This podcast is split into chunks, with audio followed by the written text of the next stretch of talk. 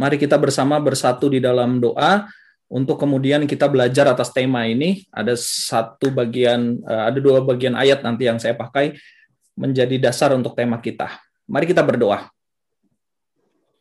Tuhan kami mengucapkan syukur kepadamu pada kesempatan sore hari ini di mana pun kami berada. Tuhan boleh mempersekutukan kami teknologi di tengah-tengah pandemi saat ini. Eh, kami bersyukur sangatlah membantu mengoptimalkan pemeliharaan iman kami, mengoptimalkan pekerjaan, tugas, tanggung jawab kami. Dan biarlah eh, pemeliharaan cinta kasih daripada Tuhan juga yang memberikan hikmat dan kerinduan bagi kami melalui persekutuan di kesempatan sore hari ini boleh semakin memperlengkapi dan juga boleh semakin membuat masa muda yang Tuhan percayakan bagi setiap kami tidak dilakukan dengan sia-sia. Terima kasih untuk cinta kasih setia Tuhan. Terima kasih untuk pemeliharaan daripadamu. Di dalam namamu kami mengucapkan syukur kepada Tuhan. Kami berdoa. Amin. Nah, ini tema kita, Myself But Better. Eh, rekan-rekan, uh, saya uh, Alexander Hendrik Urbinas melayani di GKI Harapan Jaya Bekasi ya. Senang sekali untuk bisa boleh ketemu teman-teman di sini. Nah, rekan-rekan bagian bacaan Alkitab pada kesempatan sore hari ini saya ambil dari Kejadian pasal 1 ayat 26 sampai dengan 27. Karena kita mau ngomong soal gambar diri gitu ya. Memang agak uh, banyak orang mengatakan bahwa kalau tema-tema tentang apa Eh, self image itu lebih cocok katanya untuk para remaja yang sedang mencari jati diri. Tapi sebenarnya enggak. Eh, teologi tentang gambar diri itu adalah teologi yang utuh yang dikonsumsi, diterima mulai dari siapa pun ya, mulai dari anak-anak sampai dengan lansia. Karena pemahaman kita tentang gambar diri eh, itu akan menolong kita untuk menjalani kehidupan sebetulnya. Nah, ini yang mau bersama kita lihat ya, teman-teman ya. Saya udah tampilkan sih di layar eh, eh, firman Tuhannya yang mau kita baca bunyinya demikian. Berfirmanlah Allah, baiklah kita menjadikan manusia menurut gambar dan rupa kita. Oke, supaya mereka berkuasa atas ikan-ikan di laut dan burung-burung di udara dan atas ternak dan atas seluruh bumi dan atas segala binatang melata yang merayap di bumi maka Allah menciptakan manusia itu menurut gambarnya. Menurut gambar Allah diciptakan dia laki-laki dan perempuan diciptakannya mereka. Ada beberapa bagian yang saya highlight di sini sebagai eh, kata dan kalimat yang sangat kuat berkaitan dengan tema kita. Ini sebenarnya pelajaran katekesasi, kata ini ya, gambar dan rupa. Tapi saya yakin katekesasinya udah pada lama kan, udah pada lupa pasti ya e, gambar dan rupa itu ada satu bagian yang mau kita lihat lalu maka Allah menciptakan manusia itu menurut gambarnya. Nah, teman-teman e, masuk ke sini yuk ke slido.com e, ketik slido.com di handphone masing-masing atau kalau sekarang mempergunakan satu device ya langsung masuk ke browser aja lah udah pada jago kalau pemuda Langsung nanti di hashtagnya masukin aja uh, Youth Cawang. Uh, apa yang teman-teman rasakan selama pandemi ini?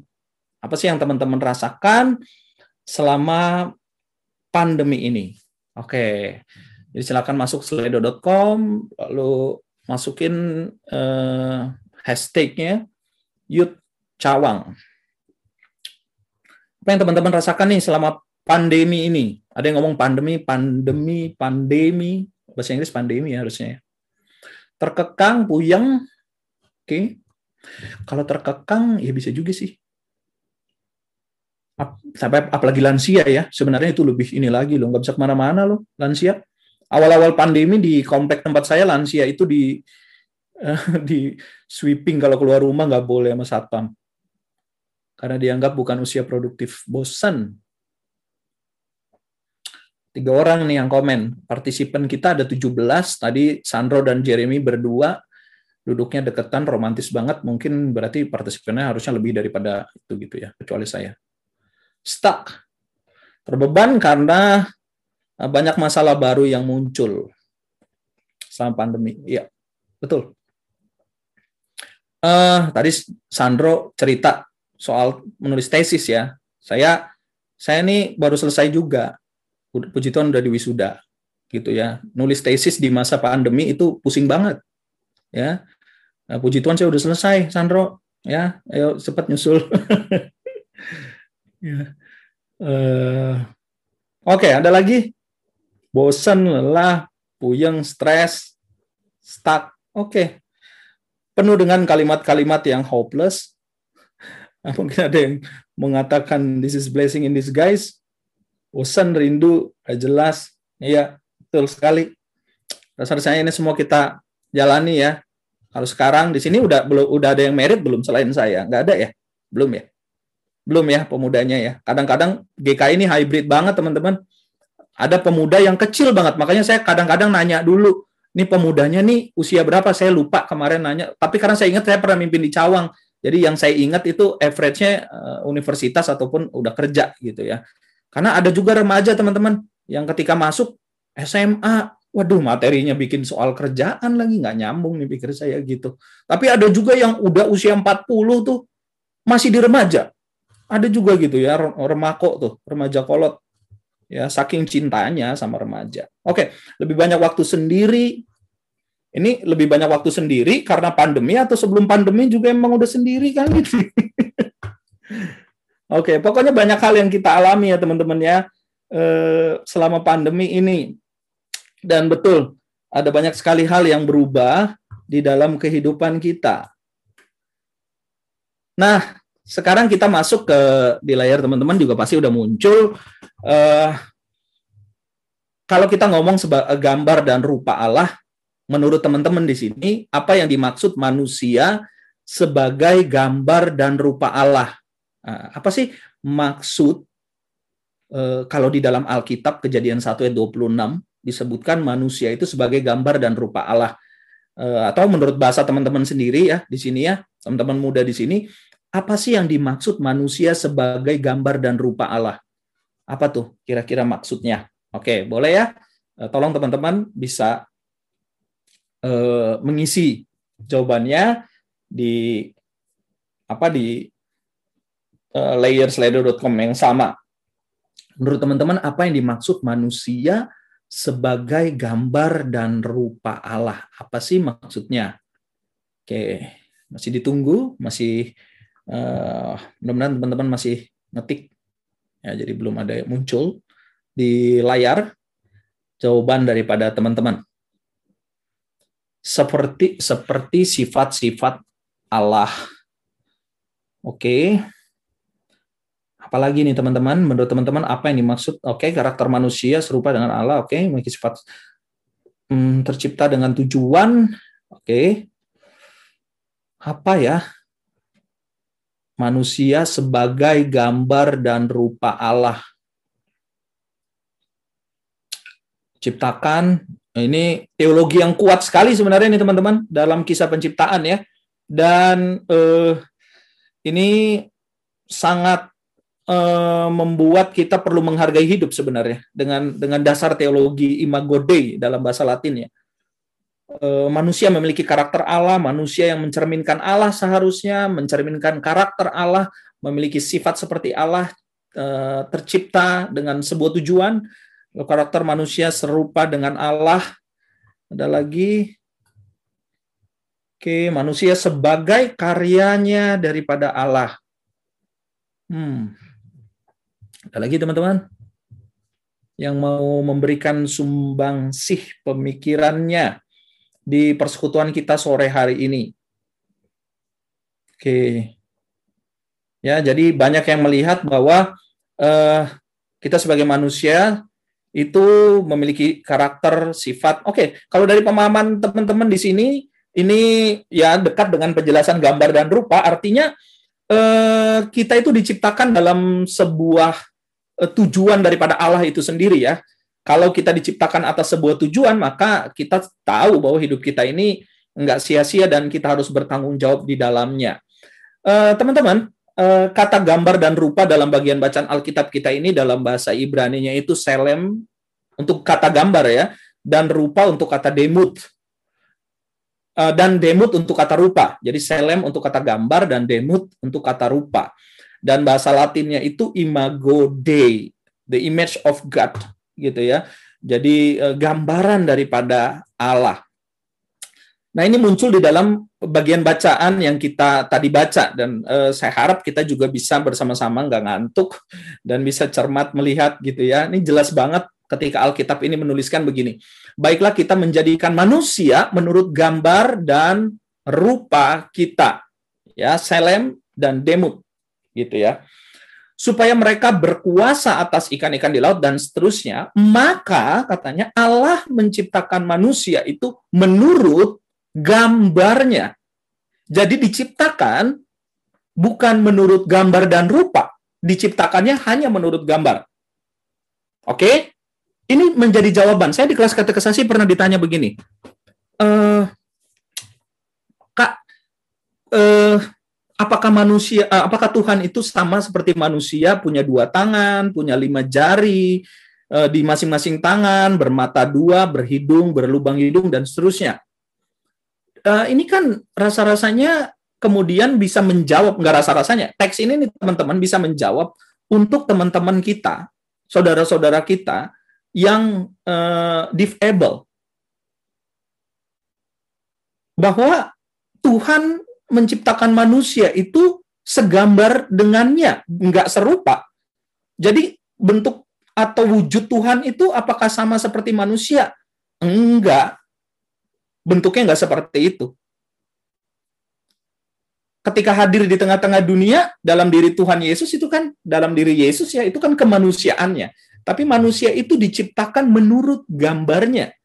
Dan gata gambar ini, ya teman-teman, eh, ini bicara soal karakter. Jadi Allah menciptakan manusia menurut Selemnya, bukan demutnya. Demutnya Allah itu enggak saya belum pernah berjumpa sama Tuhan karena kalau Paulus bilang kita berjumpa muka dengan muka dengan Tuhan itu ketika hidup kita udah selesai gitu ya Artinya apa kalau udah orang Batak bilang uh, Dison Maradian?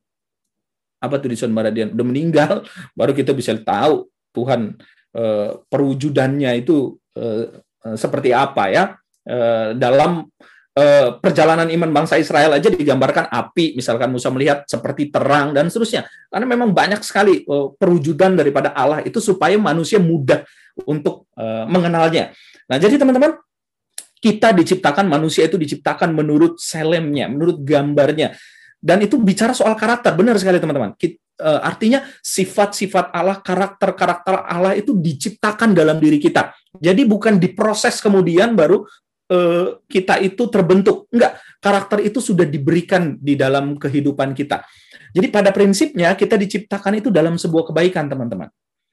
Nah, kalau bicara tentang karakter, kita balik ke slide tadi ya, teman-teman ya apa saja sih yang kira-kira menurut teman-teman di sini membentuk karakter dan diri setiap kita? Nah, menurut teman-teman di sini apa saja sih yang membentuk karakter dan diri setiap teman-teman di sini dan saya? Ya, apa saja sih yang membentuk karakter dan diri kita? Oke, karakter dan sifat daripada Allah itu diberikan kepada kita, tetapi kemudian apa yang membentuk eh, pribadi kita? Ya, lingkungan. tepat sekali. Ling lingkungan, keluarga, oke. Negara-negara Skandinavia itu adalah negara-negara yang konon katanya apa eh, metode pendidikannya adalah paling baik gitu ya. Dan mereka mengatakan bahwa pendidikan itu harus dimulai dari dalam sebuah keluarga. Ya. Jadi kalau kita mau bangun sebuah gereja, eh, kami juga di, di GKI Harapan Jaya pakai prinsip itu kalau kita mau bangun kehidupan bergereja, maka kita nggak bisa tempat itu hanya di gereja, tapi tempatnya di keluarga. Maka bentuk gerejanya jadi lebih mudah, gitu ya. Ketimbang kita hanya sibuk nempaknya di gereja, tempatnya harus di keluarga. Eh, bangun komunitas keluarganya harus kencang banget, harus kuat. Nah, itu akan menolong kita untuk bangun komunitas gereja kita bertumbuh dengan lebih dengan lebih baik. Oke, pengalaman hidup sesama, lingkungan, keluarga, teman, pendidikan, adaptasi, eh, lingkungan ya. Jadi banyak sekali teman-teman di sini yang melihat bahwa lingkungan itu sangat penting dan membentuk eh, diri kita. Oke, baik teman-teman. Hal yang membuat karakter dan diri pemuda pada masa kini.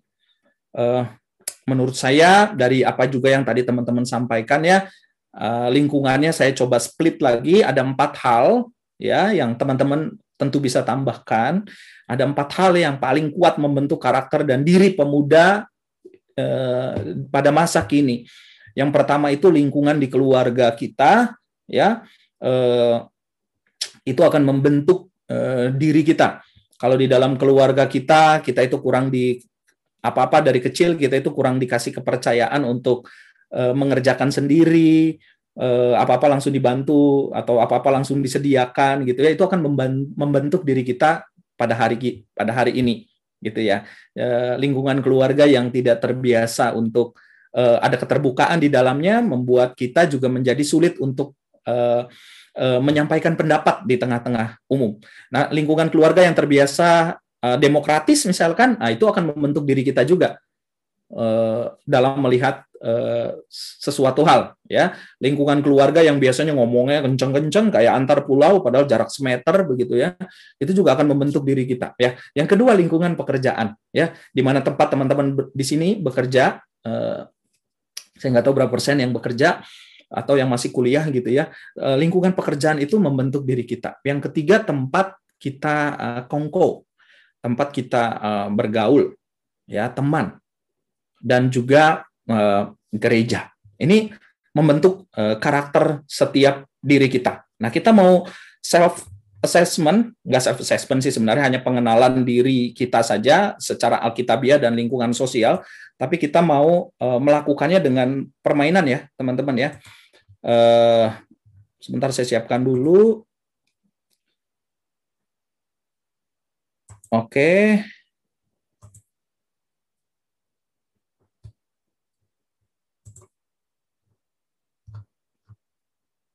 Oke. Ah, sudah. Saya share screen lagi. Teman-teman bisa tolong masuk ke sini. Kita main quizzes ya. Uh, di joinmyquiz.com. Uh, 08 2467. Silakan teman-teman bisa join di joinmyquiz.com. Kita main-main dulu sebentar. Uh, mau coba ngecek nih gimana nih pemahaman pengetahuan hal yang paling penting membentuk karakter diri kita sebetulnya yakni kedekatan kita kepada Tuhan. Ya, oke. Okay. Jadi tinggal ini masuk di joinmyquiz.com.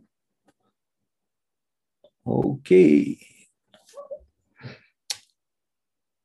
Ada 18 participants. Tentu saja ini bertambah ya karena Sandro dan Jeremy tadi ya. Yang kan satu device ya. Romantis memang. Pasangan ini luar biasa. Oke, siapa lagi yuk? kita tunggu yang mau bermain-main dulu. Oke, saya sambil ditunggu ya, sambil ditunggu.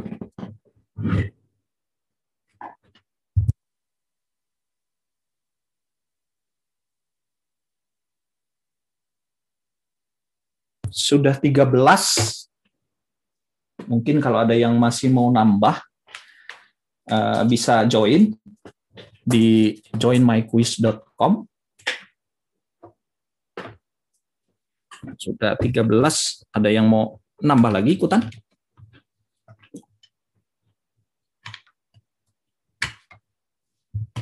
Sudah 14. 15 detik lagi ya. Kalau nggak ada kita mulai.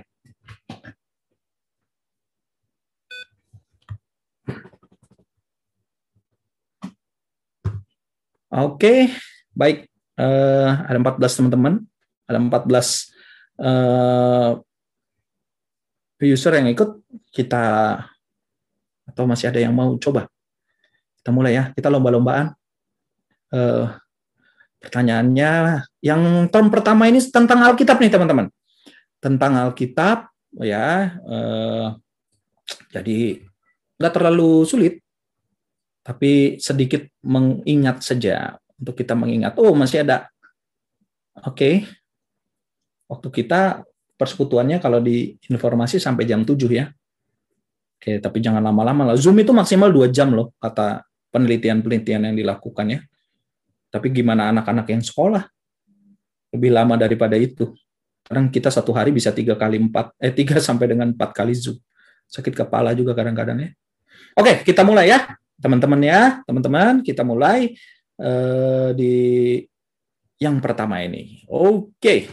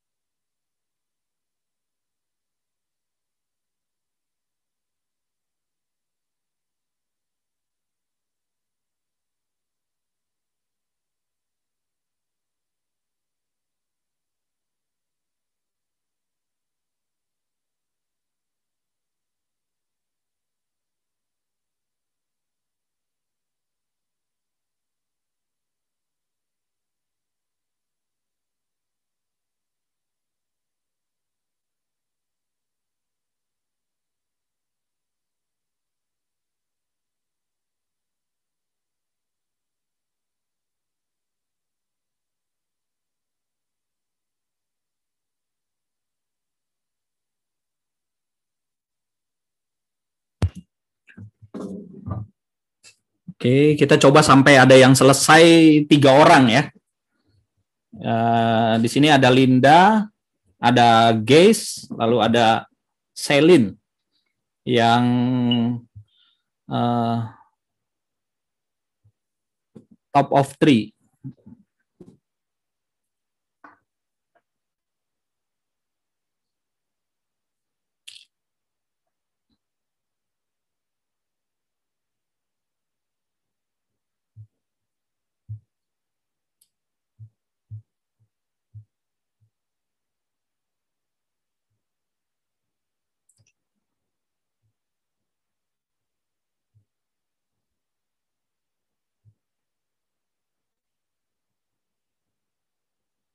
Ya, guys, sedikit lagi kayaknya tinggal satu pertanyaan deh, guys.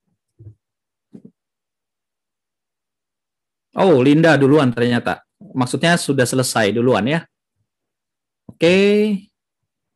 Oh, udah beberapa yang sudah ternyata ada K juga udah, ada Hu, Theo. Sudah selesai. Oke. Sudah. Sudah, sudah ya. Satu menit lagi ya. Satu setengah menit deh, setengah menit deh. Setengah menit. Oke, ini masih ada uh, Ai. Ai masih uh, berdoa. Lanjutkan. Kita udahin ya. Udah banyak yang udah soalnya nih. Lima, empat, tiga, dua, satu.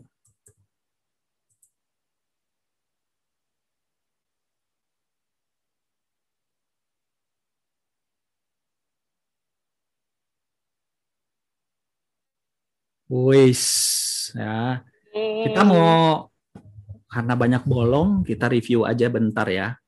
Oke. Oke. Yang tidak termasuk anak Nuh. Siapa? Ed. Betul, set ya.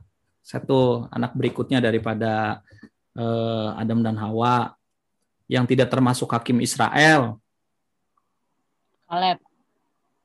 Ya, Kaleb ya. Ini pengintai di tanah Israel. Jumlah kitab di perjanjian lama nih suka ketuker-tuker nih. Berapa teman-teman? 39. Wih, 39 ya. Wah, waktu kata kesasinya cum laude nih kayaknya nih lebih ke hoki kak tokoh tertua di Alkitab itu salah itu salah tempat Salomo memohon hikmat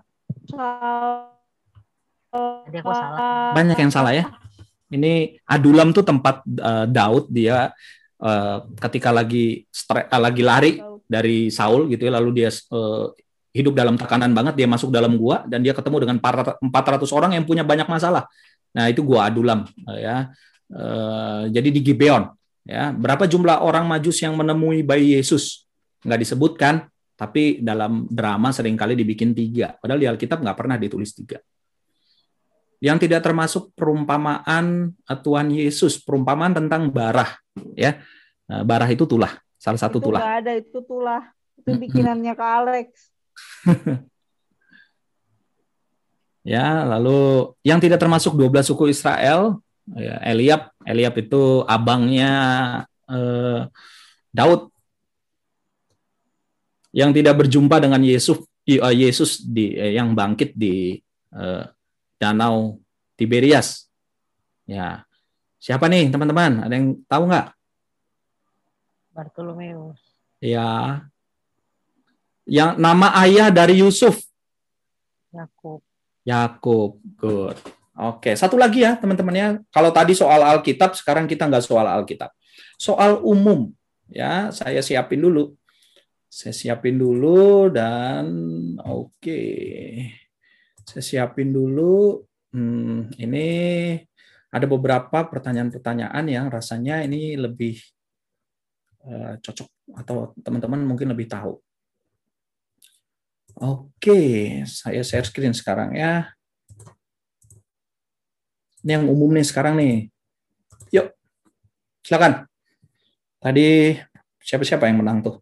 Saya nggak foto lagi, harusnya difoto ya. 635713. Hmm, 63 ini pertanyaan tentang lingkungan sekitar. Jadi ini kalau tadi tentang uh, Bible story, sekarang umum. Nah, ini pertanyaan-pertanyaan yang sifatnya umum, teman-teman.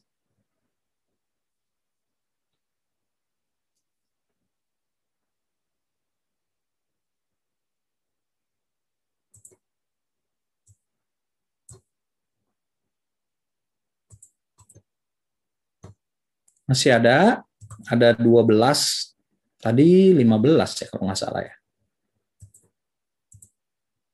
Masih ada yang mau join? Oke. Okay. Ada? 10? Start, Kak. 9? 8? 7? 6? lima, empat, tiga, dua. Oke, kita mulai ya.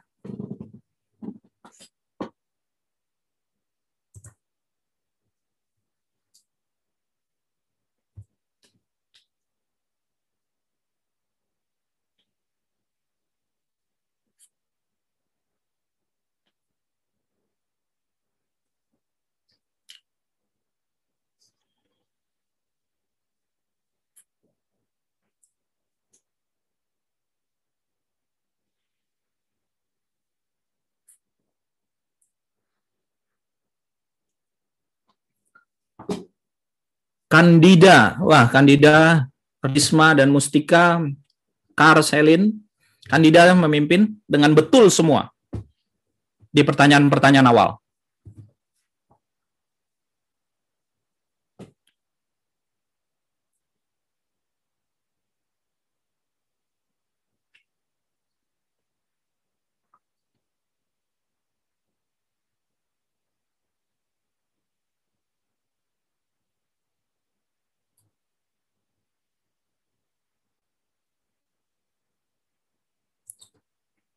Coba kita lihat lima teratas saja ya. Oke, lima teratas. Risma, betul semua.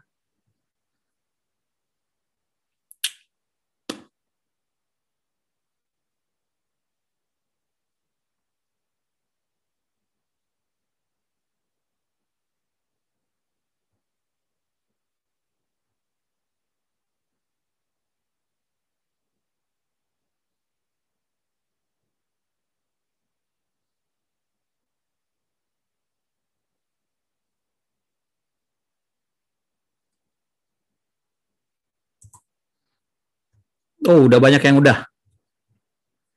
Sep- 10 detik lagi ya. 10 9 8 7 6 5 4 3 2 1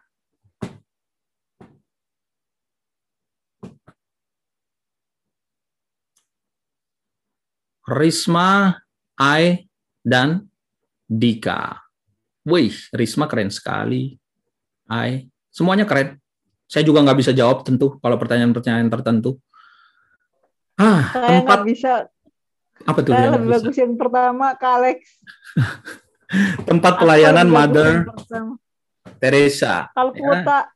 Kalkuta ya ini keempat-empatnya adalah tempat eh, pelayanan eh, apa wilayah di India yang tidak termasuk aktor atau aktris Korea. Oh, saya tuh bukan Oh. penggemar Korea, tapi ya coba-coba aja cari tahu. Yang satu-satunya saya cuma tahu Lee Min Ho. Itu juga tahu dari apa ya? Nggak nggak suka nonton soalnya. Nggak suka nonton Korea maksudnya. Lee Min Ho, eh, Park Shin Hye itu perempuan. Saya cari di Google. Cha Yun Woo, Kim Jong Un itu ya eh, presiden Korea Utara. Yang tidak termasuk grup musik Korea. Ini teman-teman tahu nggak sih? Maksudnya grup musik grup musik ini? Saya yang saya pernah Ah. dengar itu cuma EXO loh. Yang tidak termasuk tuh MTQ ya, karena MTQ itu adalah acara saudara-saudara kita Muslim. Kepanjangan BPJS dan penyelenggara jaminan sosial kesehatan. Nama Menteri Sosial saat ini, wah, ya Bu Risma ya, masih ada yang jawab Anies. Nah, ini nih jumlah provinsi di Indonesia. Ini kalau seusia saya mah jawabnya 27 pas ini. ya. Hmm. Jumlah provinsi di Indonesia sekarang eh, 34 katanya provinsi di Indonesia. CEO itu kependekan dari eh, Chief Executive Officer. Oke. Juara, wah ini nih, karena saya suka bola, gantian dong, gitu ya. Jadi jangan pertanyaannya Korea aja. Juara Liga Champions musim Munchen 2019 2020. Ya, Munchen juaranya dong. tuh Bayern Munchen ya. Oke. Iya. Oke, teman-teman, kita udah beraktivitas. Nah, kita mau balik ke eh, slide kita tadi. Oke, ini eh, hal-hal yang membentuk karakter dan diri kita. Nah, teman-teman, ada satu ayat nih dari eh, Efesus pasalnya yang kedua, ayat yang ke-10 ya, yang mengatakan demikian. Karena kita ini buatan Allah diciptakan dalam Kristus Yesus untuk melakukan pekerjaan.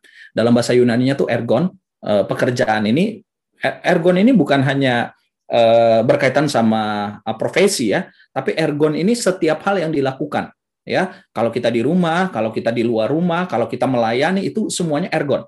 Dan kita diciptakan eh, di dalam Kristus untuk melakukan setiap pekerjaan kita itu dengan baik.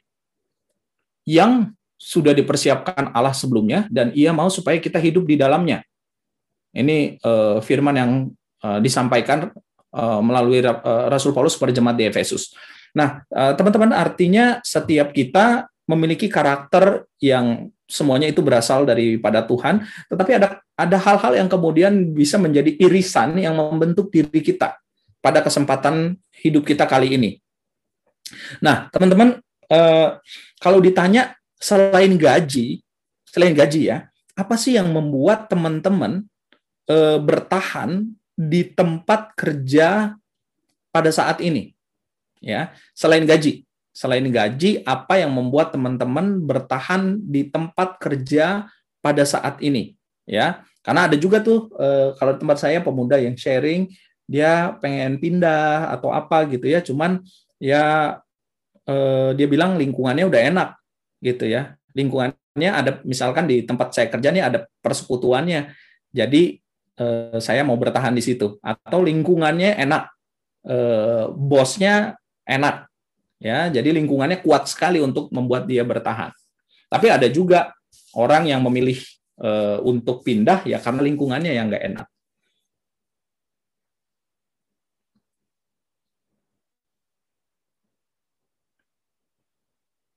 Oke, terdevelop ya. Jadi kita bisa bisa berkembang. Gimana nih? Saya belum kerja, Kak. Ya, kita ini menduga-duga saja. Kira-kira. Atau kalau kita berpikir gitu ya, selain gaji, apa sih yang membuat kita bisa bertahan di eh, tempat kerja kita? pada saat ini? Apa yang membuat kita uh, bisa bertahan di tempat kerja biar ada kerjaan? Iya ya, daripada di rumah orang tua udah bilang, "Eh, kamu udah selesai juga. Ayo kerja, passion." Oke. Okay. Saya next saja ya teman-teman ya. Uh, selain gaji ada sebuah penelitian yang mengatakan begini, apa yang membuat uh, oh, seseorang itu bisa bertahan di tempat bekerjanya itu paling besar itu sebenarnya suasana kerja. Lalu kemudian yang berikutnya itu hmm, ya lokasi perusahaannya ada di mana lokasinya uh, dekat atau enggak dari tempat saya tinggal, ya.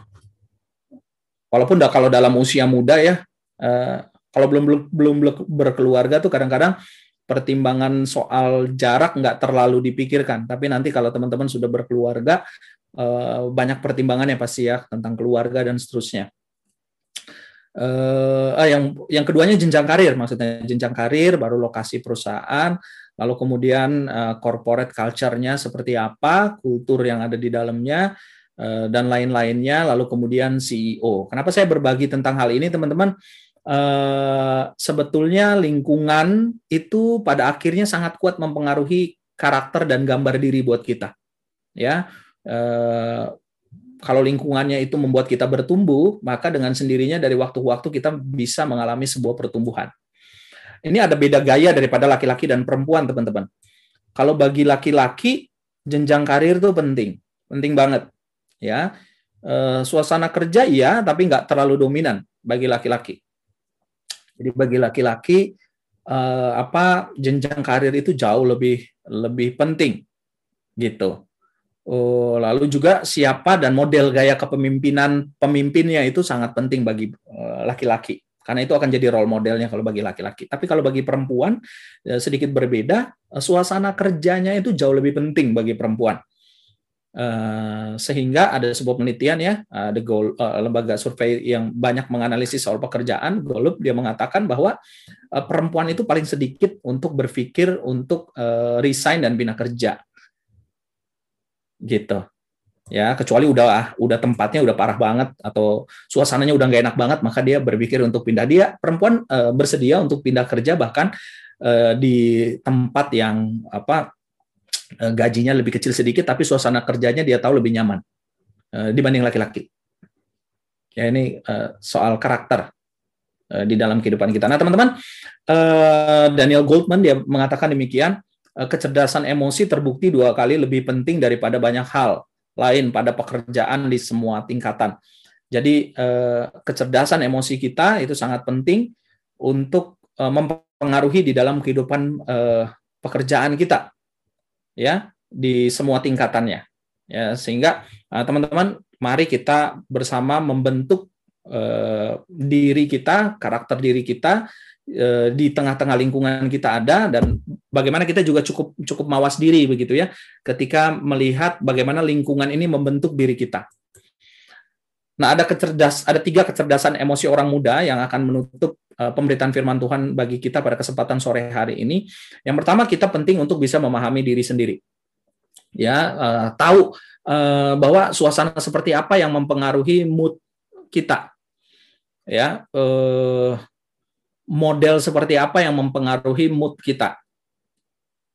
Kalau bicara corak spiritualitas kan juga begitu. Eh, teman-teman yang ikut Youth Summit atau pernah ikut Summer Camp pasti juga ada belajar soal uh, corak spiritualitas. Ya, jadi kita penting untuk memahami diri kita sendiri. Saya itu sangat optimal bekerja itu di atas jam 9 malam. Itu dari dulu, dari dulu waktu masih kuliah di STT Jakarta. Eh, cara belajarnya, cara bekerjanya seperti itu. Eh, di siang hari bisa, tapi eh, tidak sekencang kalau malam. Ya, dan kita harus yang bisa memahami diri kita sendiri, harus tahu apa pola yang cocok buat diri kita. Lalu suasana seperti apa yang bisa membantu diri kita? Uh, saya berbagi diri saya sendiri, misalkan gitu ya, saya juga senang ketika bekerja itu mendengarkan musik, tapi ada orang yang mendengarkan musik malah terganggu. Ada orang yang multitasking sambil nonton dia bisa optimal. Ya kita harus bisa tahu apa yang uh, sangat kuat berkaitan dengan diri kita. Yang kedua mengendalikan diri. Oke, kecerdasan emosi orang muda itu juga bisa mengendalikan uh, dirinya gitu ya eh, jangan sampai eh, gaji kita atau pendapatannya teman-teman itu misalkan dengan cukup eh, mudahnya habis sebelum eh, ini atau kita nggak punya saving money gitu ya untuk eh, kehidupan kita ya yang ketiga menata tanggung jawab dan motivasi diri ya. Jadi kecerdasan emosi orang muda juga itu dia bisa menata tanggung jawab dan bisa uh, memiliki motivasi diri. Oke. Jadi pada kesempatan sore hari ini teman-teman kita belajar agar uh, kita tahu bahwa Tuhan menciptakan manusia kita itu dalam karakternya Allah dan sifatnya Allah. Tapi dalam proses kehidupan manusia ada banyak hal juga yang kemudian mempengaruhi diri kita. Maka kita harus balik lagi dan ingat bahwa kita diciptakan Allah untuk melakukan pekerjaan yang baik, diciptakan Allah segambar dengannya dengan karakter, dengan sifat-sifat yang Allah berikan bagi kita untuk semuanya untuk tujuan yang baik gitu. Dan kita juga bisa mengendalikan dan juga mawas diri gitu ya terhadap hal-hal yang sangat kuat bisa mempengaruhi di dalam lingkungan kita. Oleh karena itu kita harus memilah lingkungan di uh, sekitar kita gitu ya. Apa yang membuat kita bertumbuh, apa yang tidak dan kita harus bisa memilah itu semua. Nah, teman-teman selamat menjadi pemuda yang bisa bertumbuh. Kiranya Tuhan Yesus boleh senantiasa memberkati setiap kita. Demikian eh, firman Tuhan, kebersamaan yang bisa saya bagikan pada kesempatan sore sampai dengan eh, malam hari ini. Tuhan Yesus yang memberkati kita, saya kembalikan kepada eh, Sandro. Makasih. Oke, terima kasih uh, Kak Alex untuk sharing firman Tuhannya. Uh, kiranya Tuhan memberkati Kak Alex di sepanjang pelayanan dan kehidupan. Oke, Eh, teman-teman, kita, uh, kita ada kesempatan untuk uh, mau bertanya ke Kak Alex. Mungkin ada teman-teman yang sedikit kebingungan atau mungkin ada uh, pertanyaan yang ingin disampaikan ke Kak Alex. Boleh uh, apa merefleksikan firman Tuhan tadi atau mungkin ada pertanyaan-pertanyaan yang uh, yang mungkin selama ini masih menggantung di pikiran kita. Saya kasih kesempatan tiga orang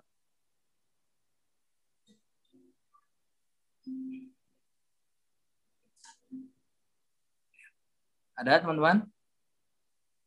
Apa sistem tunjuk lagi nih ini? Tunjuk-tunjuk ini seru nih. Oke, yang yang mati kamera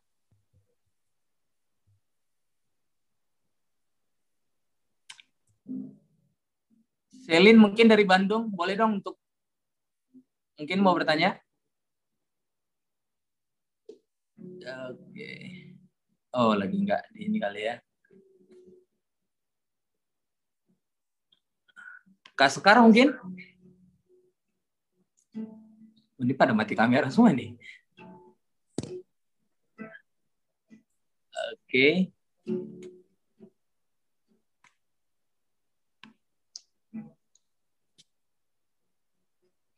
Kita ada waktu lima menit ya teman-teman ya. Ini kamu Stika, kamu Stika nih boleh kali uh, nanya atau mau sharing gitu dikit-dikit refleksi firman Tuhan kita. Uh, nanya aja ya. Oke, boleh. Mantap. uh, tadi kan uh, yang dibahas lebih ke menata tanggung jawab diri gitu kan.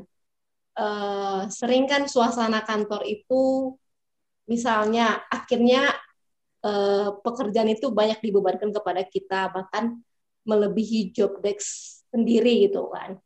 Nah, di satu sisi kita bisa ngambil positifnya ya artinya aku dikasih kepercayaan. Namun kadang-kadang kita juga sampai dalam tahap kewalahan. Nah, gimana mengkomunikasikannya kepada atasan? Itu mungkin. Boleh Kak Alex mungkin dibantu jawab? Kalau kayak gini pertanyaannya lebih baik sharing deh kalau menurut saya ya dari teman-teman yang juga ada di uh, uh, corporate mungkin bisa bisa sharing. Nanti saya juga akan sharing, tapi mungkin dari teman-teman lain yang ini uh, bisa kasih insight gimana mengkomunikasikan kepada atas rekan kerja atau atasan. Boleh teman-teman yang ada di corporate atau biasanya budak corporate? Oke.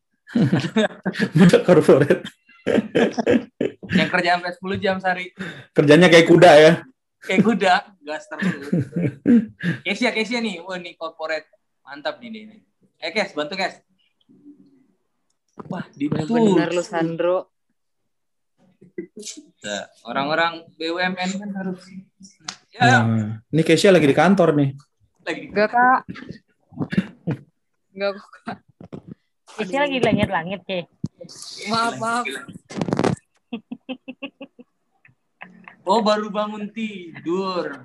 Enggak, lagi gak enak badan. Eh, Sampai Sandro. Emang Sandro tuh suka membuat kesimpulan Bener, sendiri ya. bener ya. Eh, apa tadi ya? Gimana cara mengkomunikasikan ya? Aduh kak, sebenarnya maaf banget nih, saya baru dua minggu kerja nih. Eh, tapi eh, apa ya? Em, mungkin kalau misalnya ya kita kita kan pasti eh, untuk cerita itu berhikmat juga ya. Apa maksudnya kayak eh, kita lihat juga gimana atasan kita atau misalnya gimana rekan kerja kita gitu. Em, ya puji Tuhannya kalau eh, di gue gue punya eh, rekan kerja yang em, apa ya ya ya sepenanggungan lah istilahnya gitu gitu. Jadi em, apa namanya bisa sharing-sharing sama mereka gitu. Eh, tadi Kak Mustika eh, untuk memberitahu kepada atasan kalau kita lagi eh, ini banget ya sibuk banget gitu ya maksudnya Kak. Iya, gitu begitulah katanya tadi. Gitu ya. kayak gitu. Eh, masalahnya gue nggak tahu ya kak Eh, masalahnya kalau karena kan gue tahu nih kamu Mustika kerjanya kan di pemerintahan gitu ya.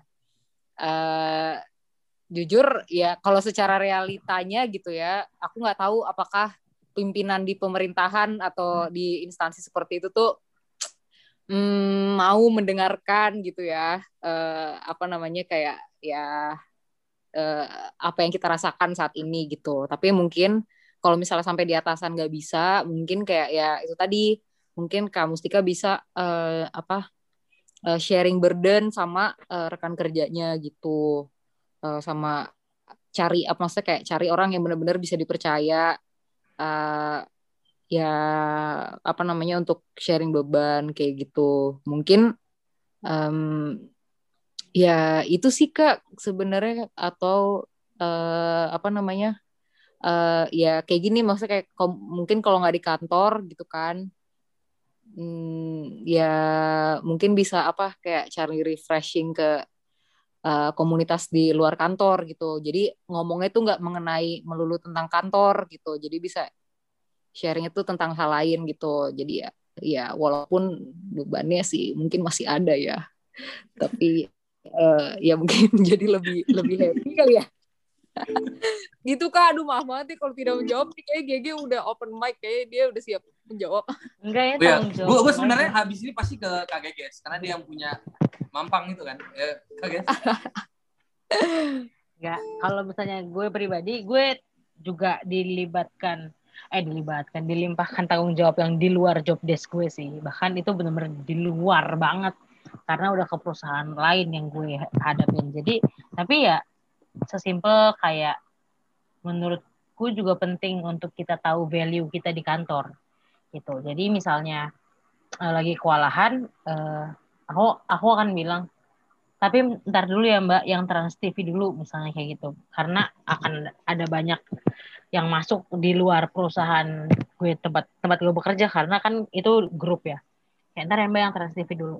Ya udah kalau misalnya aku udah ngomong kayak gitu sih biasanya bosku denger ya. Tapi eh, setidaknya dikomunikasikan gitu. Bosnya juga nggak akan tahu kalau misalnya nggak diomongin gitu. Kalau aku pribadi gitu karena kalau memang apa yang kita lakuin di luar job desk kita so far sih bosku uh, kayak ibaratnya kayak paham gitu ya kalau misalnya aku dibebankan di di luar apa yang udah disepakati gitu jadi kalau misalnya aku ngomong kayak gitu ya dia terima-terima aja hmm. gitu sih kak kalau aku yeah, tapi yeah. yang penting ngomong gitu jangan kayak diterima abis itu dibendem atau biasanya gini uh, bosku tuh dua tingkat di atasku. Nah, ada yang satu tingkat di atas yang supervisor. Nah, kalau sama yang supervisor itu aku deket. Jadi biasanya kalau misalnya udah terlalu banyak juga yang overflowing, seperti yang kata Kesia sih, aku akan ngadu ke supervisor itu kayak, wah ini gimana sih aku dapat ini lagi gitu. Tapi kan yang uh, company kita belum kepegang gitu. Ntar dia akan coba ngomong tuh ke head. Itu tapi biasanya terjadi kalau misalnya aku udah gedek banget dan aku nggak bisa ngomong langsung tapi biasanya aku ngomong langsung. Hmm. Toko acu gimana kak Mustika? Atau teman-teman lain ada yang mau nambahin sedikit-sedikit? Luar biasa sih pemaparan kak bagus banget sampai yang belum kerja yang belum iya. kerja aja jadi pengen belajar gitu supaya siap masuk dunia pekerjaan. Mungkin Kak Alex boleh nambahin sedikit Kak? Ya, uh, saya tentu tidak ada di sistem uh, dunia kerja seperti itu. Cuman waktu saya kuliah yang sekarang ini, yang baru ini, Tuhan saya ngambil uh, jurusannya itu yang berkaitan sama dunia pekerjaan. Karena saya ngambilnya di uh, manajemen gitu ya, manajemen umum lagi, bukan uh, bukan manajemen gereja. Uh, jadi di situ saya punya banyak uh, teman-teman yang bukan punya banyak malah saya cuman saya doang yang uh, apa yang pendeta di situ. Nah, jadi banyak belajar ya sama teman-teman uh, yang ada di situ. Lalu kemudian kalau kita di uh, sinode itu kan juga ada karyawan ya. Ada karyawan, ada sistem dan seterusnya. Cuman satu hal sih kalau tadi saya setuju dengan yang uh, eh dua deh uh, sama Kesia juga setuju deh tapi sama Geges tadi lebih lengkap gitu ya. Jadi kalau dibilang satu doang setuju, ntar wah, langsung off cam gimana nih pembicaranya nggak setuju sama gua, setuju sama satu doang. Jadi dua-duanya setuju, dua-duanya bagus. Cuman saya setuju tentang bagaimana kita tahu dulu ya iklim eh, tempat kita bekerja, lalu kemudian kita juga bisa mengenal eh, misalkan head kita itu seperti apa, eh, karakternya dan seterusnya. Karena bagaimanapun Eh, kita bekerja kan bersama sama manusia ya. Jadi pendekatannya itu uh, kita bisa bisa tahu. Dan satu hal sih bagi bagi bagi saya pribadi ya, karena tekanan dalam pekerjaan juga apakah pernah saya alami menjadi pendeta juga sama ada tekanan-tekanan tertentu. Apalagi urusannya ini full dengan manusia, bukan dengan benda mati yang punya keinginan sendiri gitu ya. Nah itu cara mengatasinya apa? Maka ada banyak hal tekanan-tekanan yang menurut saya nggak sepenuhnya semuanya itu harus kita bawa tidur. Gitu. Uh, bagi saya sih uh, kita itu dikasih kepercayaan ya sama atasan atau sama eh, tempat kerja ya. Uh, itu bisa kita lihat sebagai anugerah terus kita lihat sebagai anugerah. Karena uh, saya selalu berpegang secara pribadi ya sama firman Tuhan. Mereka yang setia dalam perkara kecil akan diper, dipercayakan perkara yang lebih besar. Gitu. Jadi kalau kita mengerjakan sesuatu dengan bertanggung jawab dari hal-hal yang kecil ya wajar sih kita nanti akan dipercayakan lagi hal-hal besar pasti dalam kehidupan kita. Nah, tapi saya juga kurang paham nih seperti yang tadi ya eh, tempat kerjanya eh, itu kita ini Mustika Sinaga seperti apa ya. Tapi yang penting mudah-mudahan bisa berkomunikasi dengan baik dengan eh, eh, atasannya gitu ya ketika pekerjaan-pekerjaan yang cukup banyak. Selama tidak melanggar etika, selama tidak melanggar eh, nilai norma-norma kerja, tidak melanggar hal-hal yang eh, berkaitan dengan eh, apa ya uh, etika hukum dan seterusnya ya uh, kita bisa komunikasikan itu dengan dengan sangat baik kepada uh, atasan. Dan kalau tadi ya kalau Kesia bilang ada ada lingkungan kerja untuk kita bisa sharing. Nah itu juga penting tuh untuk menjadi lingkungan yang bukan hanya sekedar uh, tempat kita curhat ya. Karena ada juga lingkungan yang bikin destruktif. Misalkan kalau kita sharing malah bilang emang dia tuh atasannya nggak bener gitu. Nah kita itu mempengaruhi uh, spirit uh, motivasi kerja kita sebenarnya ya. Ketika semuanya oh iya bener. Semuanya pada bilang begitu. Teman-teman pada bilang emang bener atasan kurang ajar gitu ya. Udah kita jadi makin tidak memiliki semangat uh, kerja untuk kita bekerja tapi selama bisa berkomunikasi ya mudah-mudahan Eh, bisa berkomunikasi dengan baik, dengan hati-hati ya. Jangan sampai kita komunikasi nggak hati-hati, atasan oke-oke ketika evaluasi yang tahunan di bulan Maret nilainya D langsung dikasih. Waduh nggak dapat bonus deh karena kita ngomong nggak sopan sama atasan. Gitu ya teman-teman ya. Kalau ada yang lain mungkin yang punya pengalaman lain bisa semakin melengkapi. Ah, thank you Kak Alex. Uh, teman-teman ada uh, mau nambahin sedikit, mungkin ngasih masukan? Atau mungkin ada yang mau sharing lagi, eh, teman-teman? Kita ada waktu tiga menit lagi. Yang mau meresponi sharing kita tadi mungkin? Coba aku tunjuk satu lagi ya. Uh, ini Kak Selin yang dari Bandung, boleh dong? Apa? Iya, kita kan uh, dengar firman Tuhan tadi mungkin ada, ada satu dua hal yang mungkin mau ditanyakan atau mau di-sharingkan untuk dibagikan ke kita mungkin. Apa ya? Nggak ada sih. Nggak ada ya? Nggak okay. ada. Oke okay, thank you. menikmati aku menikmati pembahasannya Wih, mantap. Oke okay, thank you kak Selin nah, mungkin teman-teman udah ada lagi ya? Oke, kalau nggak ada, ini dari gue pribadi selama mendengarkan sharing kita tadi, uh, eh, gue merefleksikan firman Tuhan tadi ke dalam beberapa poin. Yang pertama, uh, teman-teman, kalau kita mau become better, kita harus tahu, harus sadari juga bahwa hal terpenting yang harus kita pahami, harus kita tanamkan dalam diri kita adalah Allah memiliki tujuan di dalam hidup kita gitu. Jadi dia nggak nggak semerta-merta menurut gambarnya diciptakan manusia, tapi dia punya tujuan yang spesifik ya, yang di mana tadi kata Kak Alex supaya kita berdampak di lingkungan kita, berdampak di uh, lingkungan pekerjaan kita, di lingkungan sosial kita, di gereja, di tempat kita pelayanan dan di mana pun itu, di tempat kongko mungkin atau mungkin di ya di mana lah intinya supaya kita berdampak kita merefleksikan gambar Allah itu uh, ke dalam lingkungan lingkungan sosial kita. Nah caranya bagaimana?